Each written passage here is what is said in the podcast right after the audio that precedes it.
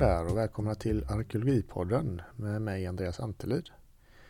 Det här är en populärvetenskaplig podd för de som tycker om arkeologi och som är nyfikna på att veta mer om detta ämne. I den här podden tar jag upp lite olika ämnen som har med arkeologi att göra som jag själv är intresserad av. Det kan vara till exempel olika fynd, fenomen, platser eller arkeologisk metod och teori. Vi får se vad det blir av framöver. Idag är ämnet för det här avsnittet fornborgar. Fornborgar är ett begrepp som vi snart ska se omfattar en mängd olika typer av lämningar. Och man kan dela in det här begreppet fornborgar i flera olika underkategorier. Jag kommer inte täcka alla kategorier i det här avsnittet utan jag kommer fokusera på kanske en eller ett par av de här kategorierna av fornborgar som vi kan se.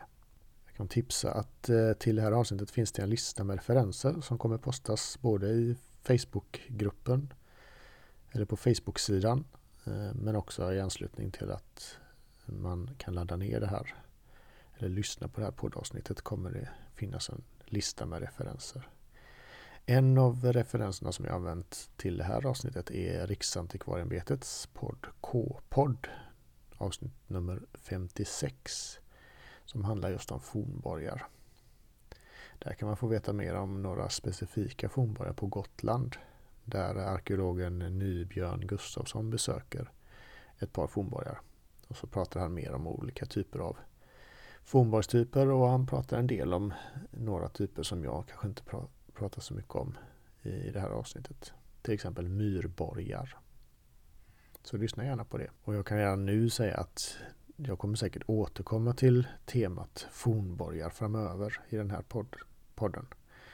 För det finns flera stycken platser med fornborgar där det finns tillräckligt med information och kunskap för att fylla minst ett helt avsnitt per plats.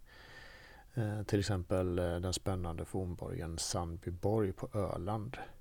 Den kommer jag inte prata så mycket mer om i det här avsnittet men eh, det kan hända att vi återkommer till just den platsen framöver. För där finns det en hel del spännande saker att prata om. Vad är då en fornborg och hur kan de se ut? Ja, man kan dela in fornborgar i lite olika kategorier som jag sa innan. Och eh, en indelning man kan göra det är ju utifrån eh, de topografiska förhållandena som råder på den platsen där en fornborg kan finnas. Då kan man prata om tre kategorier som man kan urskilja och det är dels då höjdborgar, alltså fornborgar som ligger på berg eller på höjder. Eh, man kan prata om flatmarksborgar som ligger på platta marken, alltså som inte ligger på höjder nödvändigtvis utan som kan ligga nere i ett slätt landskap till exempel. Och så kan man prata om myrborgar som ligger i våtmarker. Jag kommer främst i det här avsnittet prata om eh, den ena kategorin som kallas höjdborgar. Alltså de som ligger på berg eller på höjder i landskapet. Det är därför jag kanske inte kommer prata så mycket om Sandbyborg till exempel som inte är en höjdborg. Men höjdborgar då, det är inhägnade höjder eller berg där man har hängnat hägnat in toppen av berget eh, med hjälp av vallar eller murar. Eh, och de här murarna är då placerade på ett sådant sätt så att de stänger av möjligheten att ta sig upp på berget på ett effektivt sätt. Och de kan också innehålla portar eller eh, öppningar så att man kan kontrollera på olika sätt vem eh, och hur man tar sig upp på berget. Oftast har man använt den, de naturliga förutsättningarna på berget så att man kanske har lagt den här borgen på en plats där det finns naturliga avskärmningar. Stup till exempel där det där det är omöjligt att ta sig upp. Då har man inte behövt bygga några murar där utan då har man valt att lägga murarna på de sidorna där det är lättare att ta sig upp. Så det handlar om en, en ganska tydlig avstängning av ett område. Och de här murarna skapar då ett innanför och ett utanför kan man säga. Vi ska prata lite senare huruvida det bara är ett fysiskt, eh, en fysisk avstängning eller om det kanske finns anledning att tänka sig att det har haft en eh, mer billig eh, betydelse också. De här murarna är oftast gjorda av sten. Eh, sten som man har hittat i närområdet. De är kallmurade vanligtvis. Alltså man har inte använt något bruk av något slag utan man har använt stenarna och lagt dem i murar. Idag när man besöker en sån här plats Ehm, och jag kan ju passa på om man, om man inte har upptäckt det redan så man, kan man ju med fördel eh, använda sig av Riksantikvarieämbetets eh, sida Fornsök som eh, kom med en uppdatering nu för några år sedan som gör den ganska användarvänlig även via sin mobiltelefon. Där kan man ju hitta alla fornlämningar som finns registrerade Eh, i Sverige och få upp den på en karta. Och där kan man söka till exempel på fornborgar så får man upp alla registrerade fornborgar där. Och om man då besöker en sån här plats som är registrerad som fornborg då brukar man eh, hitta de här murarna ganska enkelt. Ehm, och man ser dem idag, kan ser de ut som utrasade stengärdsgårdar, kanske lite större stengärdsgårdar. Men där, där stenarna då har liksom fallit ut så att de bildar en, en kanske mer ja, rundad eh, mur. Men man får ju tänka sig att det har varit en, en, en mer murlik konstruktion tidigare då. Eh, det finns också tecken som tyder på att man kanske har använt eh, timmer eller träpalissader i kombination med de här stenmurarna oftast. Um, antingen då att, att mm, stenmuren har varit ett fundament till en träpalissad eller att mm, stenmuren har varit uh, framför eller bakom en träpalissad. Att, har, att de har kompletterat varandra på något sätt. Och murarnas längd kan variera. De kan vara alltifrån 50 till 100 meter upp till eh, en eller två kilometer i de längsta fallen. Eh, och området som, eh, som de hängnar in kan också variera ganska stort i storlek. Det kan vara allt från en halv hektar till eh, kanske upp mot 100 hektar. Om man ska generalisera och se vad som är vanligast så är de vanligaste fornborgarna ungefär på en till två hektar och kanske har 100-150 meter mur. Så det är ganska omfattande byggnadsprojekt de här fornborgarna. Och muren murarna kan vara ganska höga på sina håll. Ehm, de kan vara allt från en halv meter upp till flera meter höga. Och då kan man tänka sig att kanske i de lägre fallen att de har varit kompletterade med träpalissader. Så det är, det är lite det som är förutsättningarna. Om, om man har de här sakerna på plats så brukar man då kalla en sån här lämning för en fornborg. Fornborg har ju varit kända och de är ganska tydliga och har varit kända hela tiden i princip. Eh, eftersom de har varit så synliga.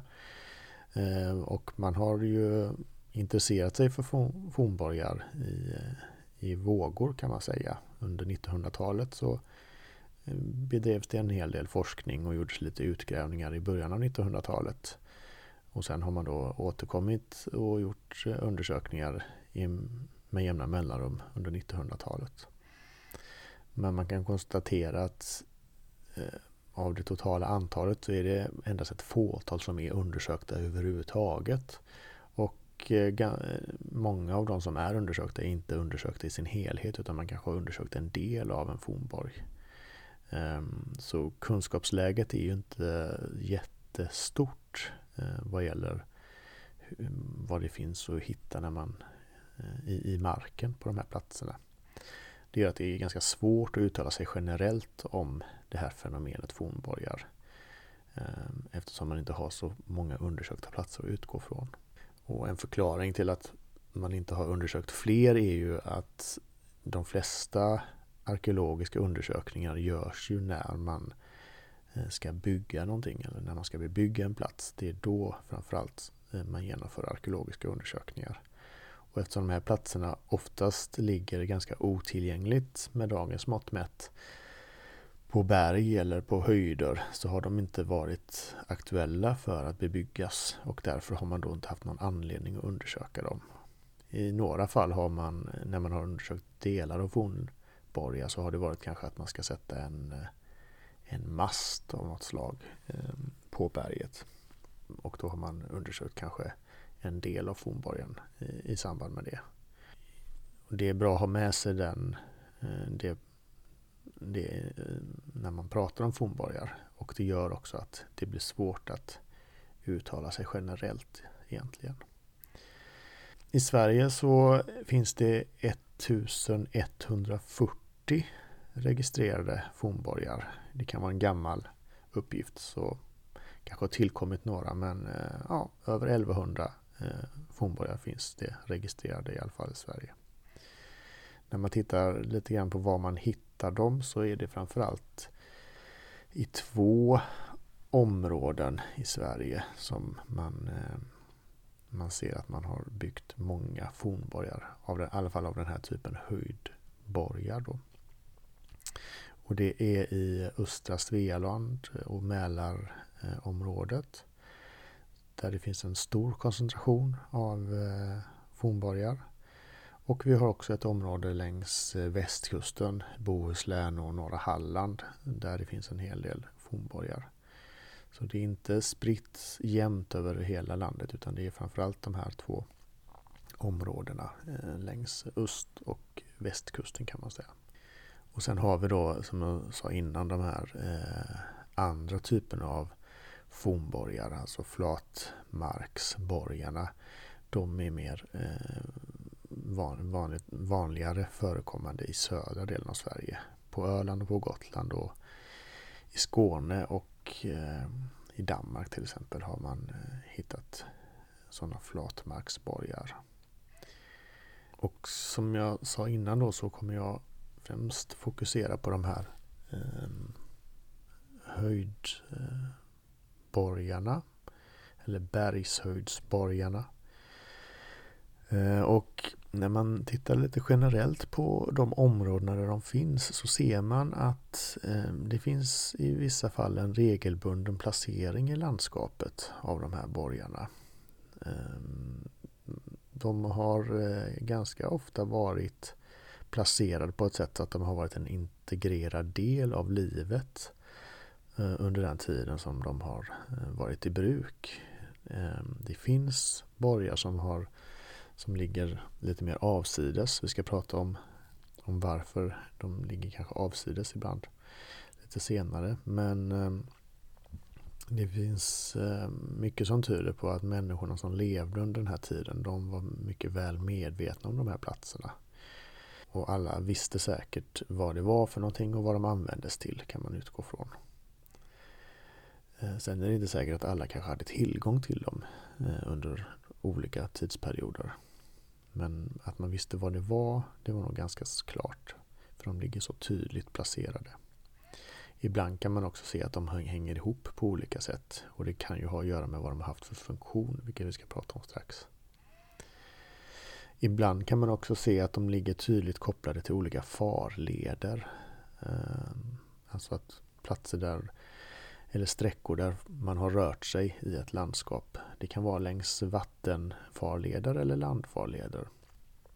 Där de här eh, borgarna då kan ligga med jämna mellanrum längs en farled till exempel. Det kan också ha att göra med vad de har haft för funktion. Det är ganska enkelt att tänka sig då att det har varit en, en kanske övervakande funktion eller liknande när de ligger längs en farled på det sättet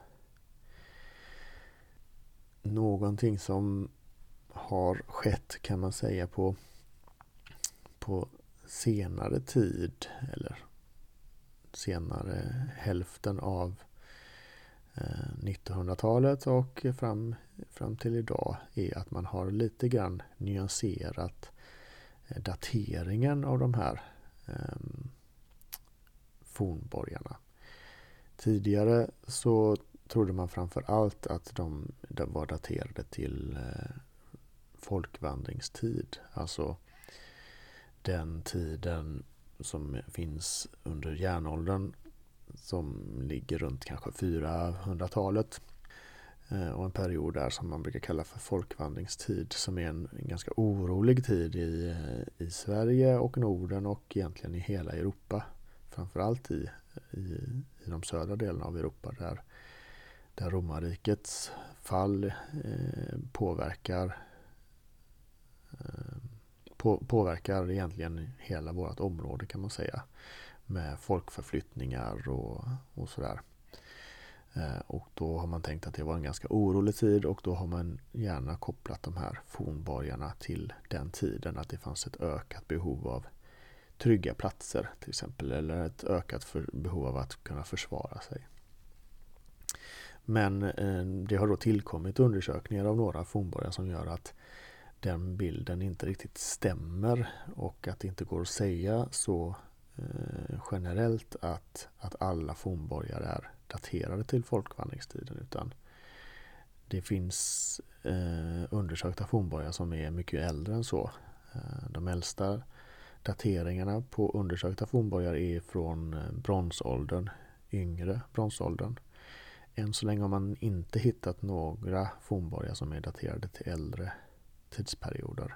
Så vi har inga stenåldersdaterade fornborgar utan, ehm, utan bronsåldern. Då.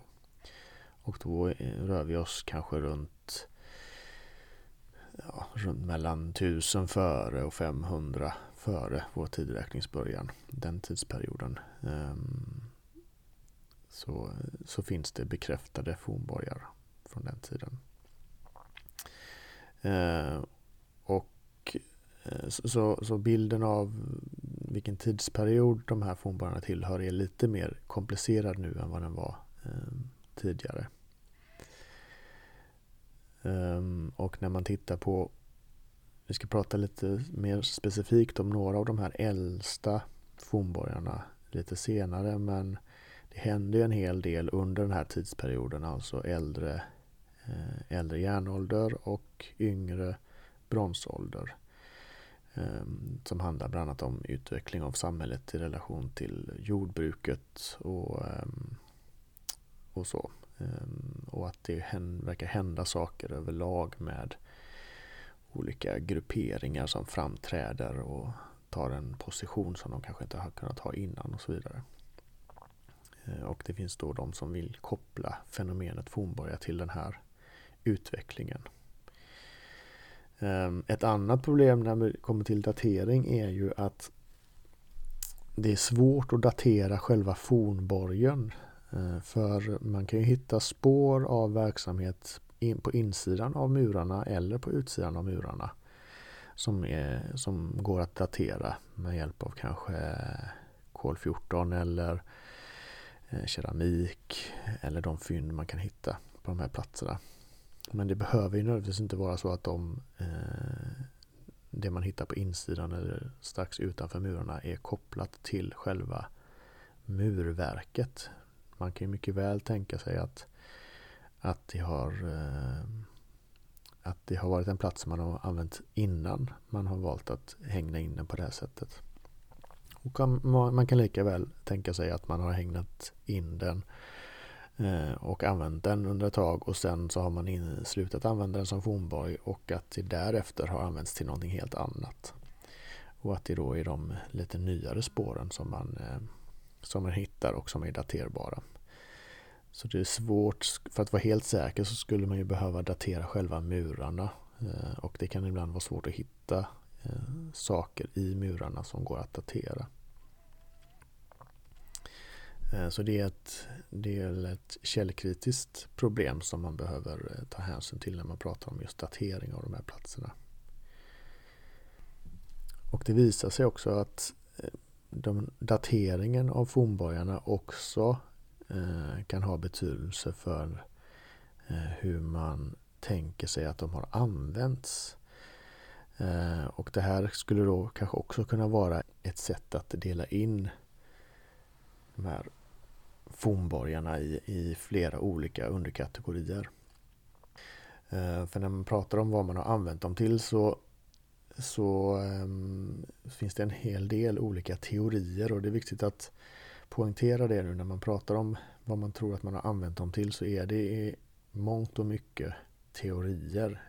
Och det beror ju på att man inte har undersökt så många och att, um, att, att det är svårt då att just koppla verksamheten som man hittar i anslutning till borgarna till själva eh, tiden då, då murarna har liksom fyllt någon form av eh, funktion. Men ehm, det finns olika eh, idéer om vad man har gjort med eller i de här borgarna. Man, I vissa fall har man hittat ganska tydliga spår av att man faktiskt har bott inne i de här borgarna. Alltså att man har hittat huslämningar och man har hittat föremål som går att koppla till, till vardagslivet. Eh, och att man då har bott där. Man kanske inte har bott där permanent men att man har bott där under vissa perioder åtminstone. Eh, och då kan man ju diskutera varför det har varit relevant att bo innanför murar på det sättet. Det kan ju ha varit ett tillfälligt behov av att kunna skydda sig eller försvara sig.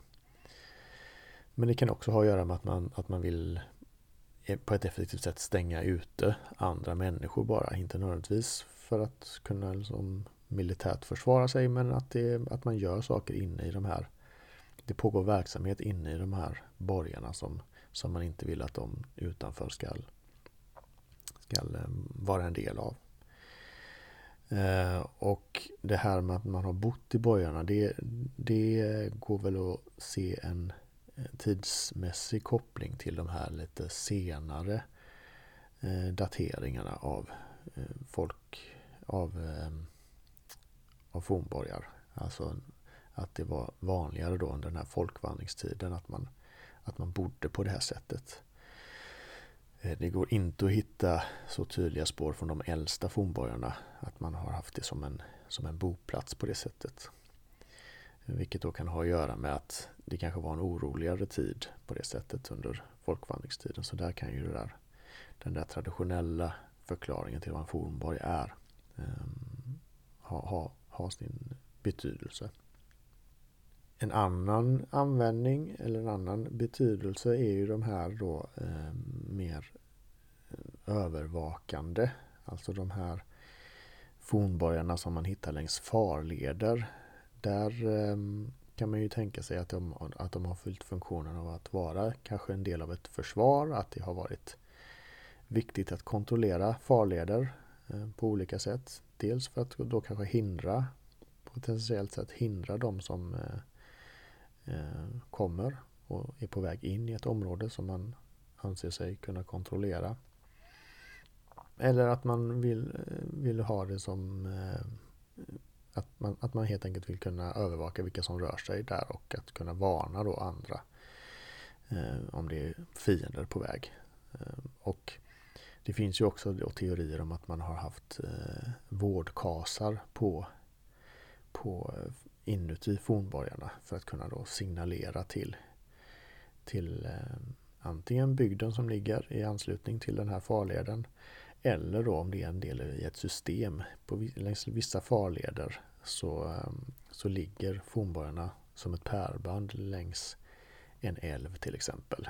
Och då kan man mycket väl tänka sig att, att ett, det har varit ett effektivt varningssystem när folk, när fiender är på väg Eh, längs den här älven. Att kunna varna de som ligger längre in i, i landskapet. Att det är fara och färde på väg.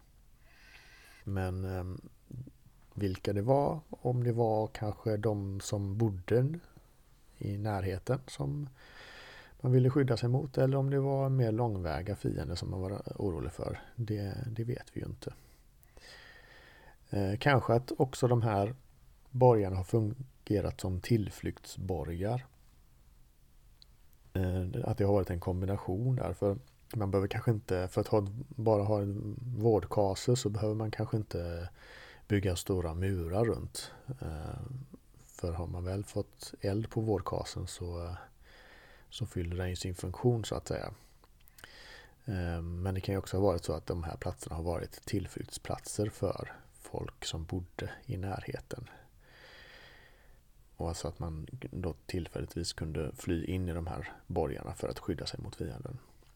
Och det kan man mycket väl tänka sig att det, några av dem har fungerat så. Kanske, jag sa ju innan att vissa av de här eh, fornborgarna ligger en bit bort från kanske den traditionella jordbruksmarken.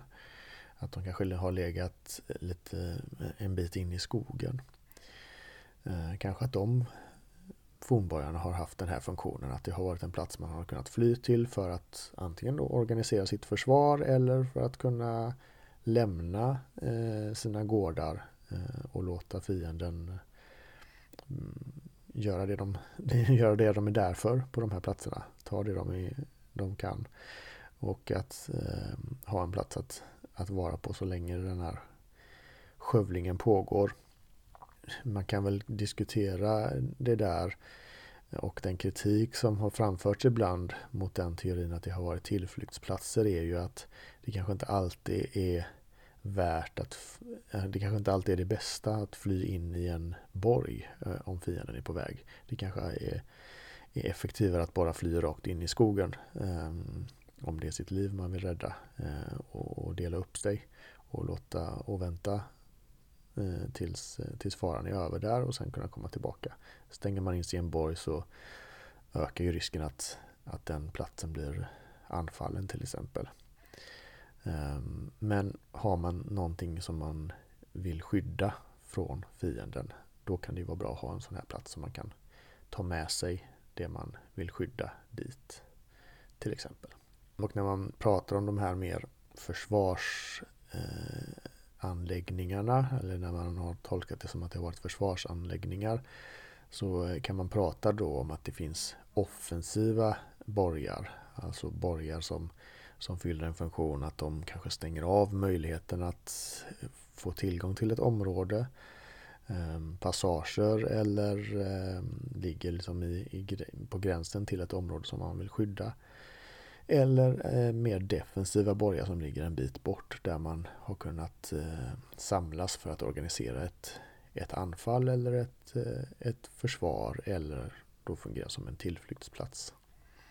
Och som jag sa innan så var ju det här den, den eh, nästan den enda förklaringen som man hade i, i början när man började titta på fornborgar. Men ju mer man har fått reda på om de här platserna desto mer komplicerad blir ju den här bilden. Eh, så att det, det går inte längre att enbart tänka sig att det har varit försvarsanordningar. Men det är, antagligen har några av dem varit det. det. Det finns det ganska tydliga tecken på. Några av de alternativa förklaringarna som man har eh, har ju varit till exempel att det har varit gravplatser Eh, ibland hittar man begravningar inuti de här fornborgarna. Vilket då inte stämmer så bra överens med, med idén om att det bara har varit försvarsanläggningar. Eh, vi ska prata lite senare här, eller strax ska vi prata om, om just kulthandlingar eh, som det finns spår av i vissa sammanhang. Eh, eller i vissa av de här fornborgarna. Att det, det är en, en de fynden också strider mot den här idén om att det har varit eh, försvarsanläggningar. Och det finns också idéer om att, och i vissa fall också tecken på att det har varit eh, befästa hantverksplatser eller marknadsplatser. Att man har känt sig tvungen att hängna in en plats för att kunna bedriva en viss typ av hantverk där eller eh, använda den som marknadsplats. Den gamla arkeologen Stig Willinder säger med anledning av detta att citat, de flesta fornborgar har aldrig varit befästningar. Riktigt var de skulle stänga ute eller inne är värt att diskutera, men det var sällan fiender. Mindre värdeladdat kunde de kanske kallas vallanläggningar eller hägnade platser. Så han är inne på att man kanske till och med ska byta namn på den här typen av eh, lämningar.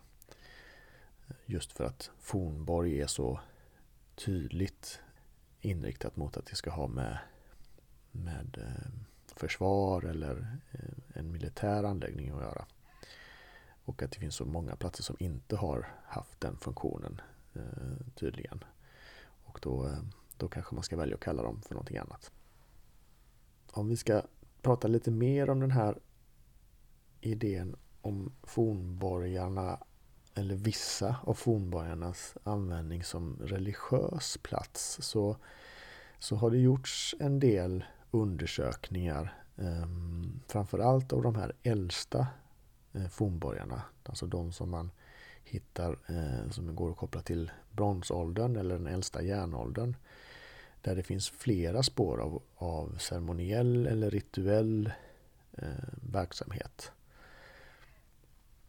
Det finns en fornborg som kallas för Predikstolen som ligger i Håga i närheten av Uppsala. Där har man gjort undersökningar och där har man hittat en hel del spår av eld bland annat. Eld verkar ha varit en viktig ingrediens i användandet av den här platsen. Man har eldat både innan man byggde den här fornborgen och under tiden den har varit i bruk på olika sätt.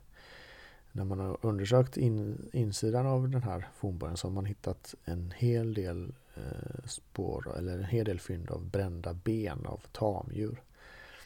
Och, de här, och man har hittat växtrester och man har hittat olika typer av redskap. Och de har inte varit spridda eh, slumpmässigt utan de, har varit deponerade nästan som gravdeponier eller gravliknande deponier i och runt eh, en huskonstruktion som man har hittat på den här platsen. Och det är också tydligt att man har valt ut delar av eh, djuren eh, som får ingå i de här deponierna. Det är alltså inte hela djuret eller, och inte heller ett slumpmässigt urval utan man har valt ut vissa delar av djuren eh, som får ingå i de här eh, små ja, deponierna eller platserna där man har grävt ner dem. Eh, och det förekommer också gravar i den här fornborgen. Det finns ett röse och där det finns flera gravar i det röset. Ehm, den verkar också hänga ihop med en annan plats i, närheten som ligger ett par kilometer därifrån där det finns en stor, stor gravhög som är daterad till ungefär ja, till samma period, alltså under bronsåldern. Och de här två platserna verkar ha en relation till varandra. Och eh, de som har funderat lite mer på vad det här kan ha betytt är ju inne på att under den här perioden så så, och där man kan även se de här röserna som, eh, som förekommer under bronsåldern som ett tecken på det. Att det är en form av monumentala byggen. Både stora stenrösen och stora gravhögar. De, de, är, de är monumentala på ett sätt. De ligger oftast på ett sätt så att de är synliga. Precis som då fornborgarna är, att de ligger på höjder. Eh, och det är ett, ett, tecken på att många människor har varit aktiva i bygget av de här platserna. Eh, och att man kanske även ska se de här fornborgarna som Eh, monumentbyggen på olika sätt. Ett sätt för kanske vissa människor, en social gruppering eller så, att visa sin, eh, sin makt och sin ställning i samhället i stort. Eh, och att, och att det, det här är en del av samma fenomen eller samma system kan man kanske säga. Så, och då har, det, då har det ju inte uppenbarligen handlat framförallt om, om att det har varit en försvarsanläggning utan det har snarare varit då en plats där man gör vissa specifika ritualer eller ceremonier eh, som har haft eh, viktig betydelse för människorna som har levt där omkring. Så bilden av vad en fornborg är behöver nog eh, nyanseras ganska mycket och det kanske ligger någonting i det där att vi Antingen så får man i samma andetag som man nämner fenomenet fornborg eh, förklara vad det är man menar. Eh, eller så kanske man ska kalla dem för olika saker helt enkelt. Eh, när det är uppenbart att de har använts till olika saker. Bara för att de liknar varandra i sin konstruktion så som vi ser dem idag så så behöver det absolut inte vara så att, att eh, de har haft samma syfte. Och det är uppenbarligen så att trots att vi bara har undersökt ett fåtal av dem så ehm, kan man redan nu konstatera att, att eh, det är mer komplicerat än, eh, än vad man trodde från början. Och ju fler vi undersöker desto fler förklaringsmodeller kanske, kanske kommer uppstå. Så om man sammanfattar och ska dra några slutsatser så, så pratar vi om flera olika typer av lämningar när vi pratar om fornborgar. Det är uppenbart att några av dem har haft eh, betydelse som en del av en, en försvarssystem. Alltså att det har haft att göra med oroliga tider, att det har funnits behov av att kanske ha en plats att eh, fly till eller att man har velat skydda sig på olika sätt. Och att man har haft ett behov av att hålla koll på omgivningarna från de här bergsborgarna. Eh, eh, och kanske då varna andra i form av vårdkasesystem. Och att några har, har innehållit renodlade boplatser, alltså att man har bott på de här platserna. Eh, att man har stängt in sig. Men det finns också då tecken på att, att de har haft en, en, en annan betydelse i, under kanske andra tider eh, som en status eller en maktsymbol där eh, möjligtvis en elit har velat manifestera sin makt genom de här stora byggprojekten.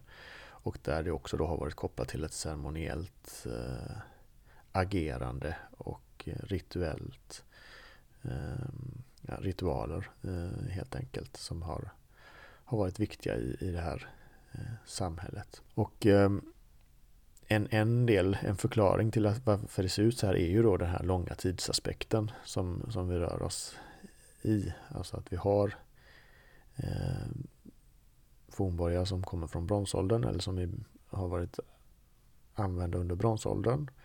Och vi har eh, fornborgar som har varit använda ända fram till vikingatid. Och det är en tidsperiod på kanske uppåt en 2000 år. Så det är ju en förklaring till varför, varför vi ser att de har använts till olika saker. Men om man ska hitta någonting som definierar, som hjälper oss att, att ändå se det som, eh, om man tittar lite grann på vad de har gemensamt, så är ju det här med att det är en det är ändå en, en, en, en avskärmning. Oavsett vad, vad anledningen så har man ju valt att skärma av en plats. Man har genom den här avskärmningen skapat ett rum kan man säga. Ett rum som inte fanns där innan på naturlig väg utan som, som människan har skapat genom att eh, skapa ett innanför och ett utanför.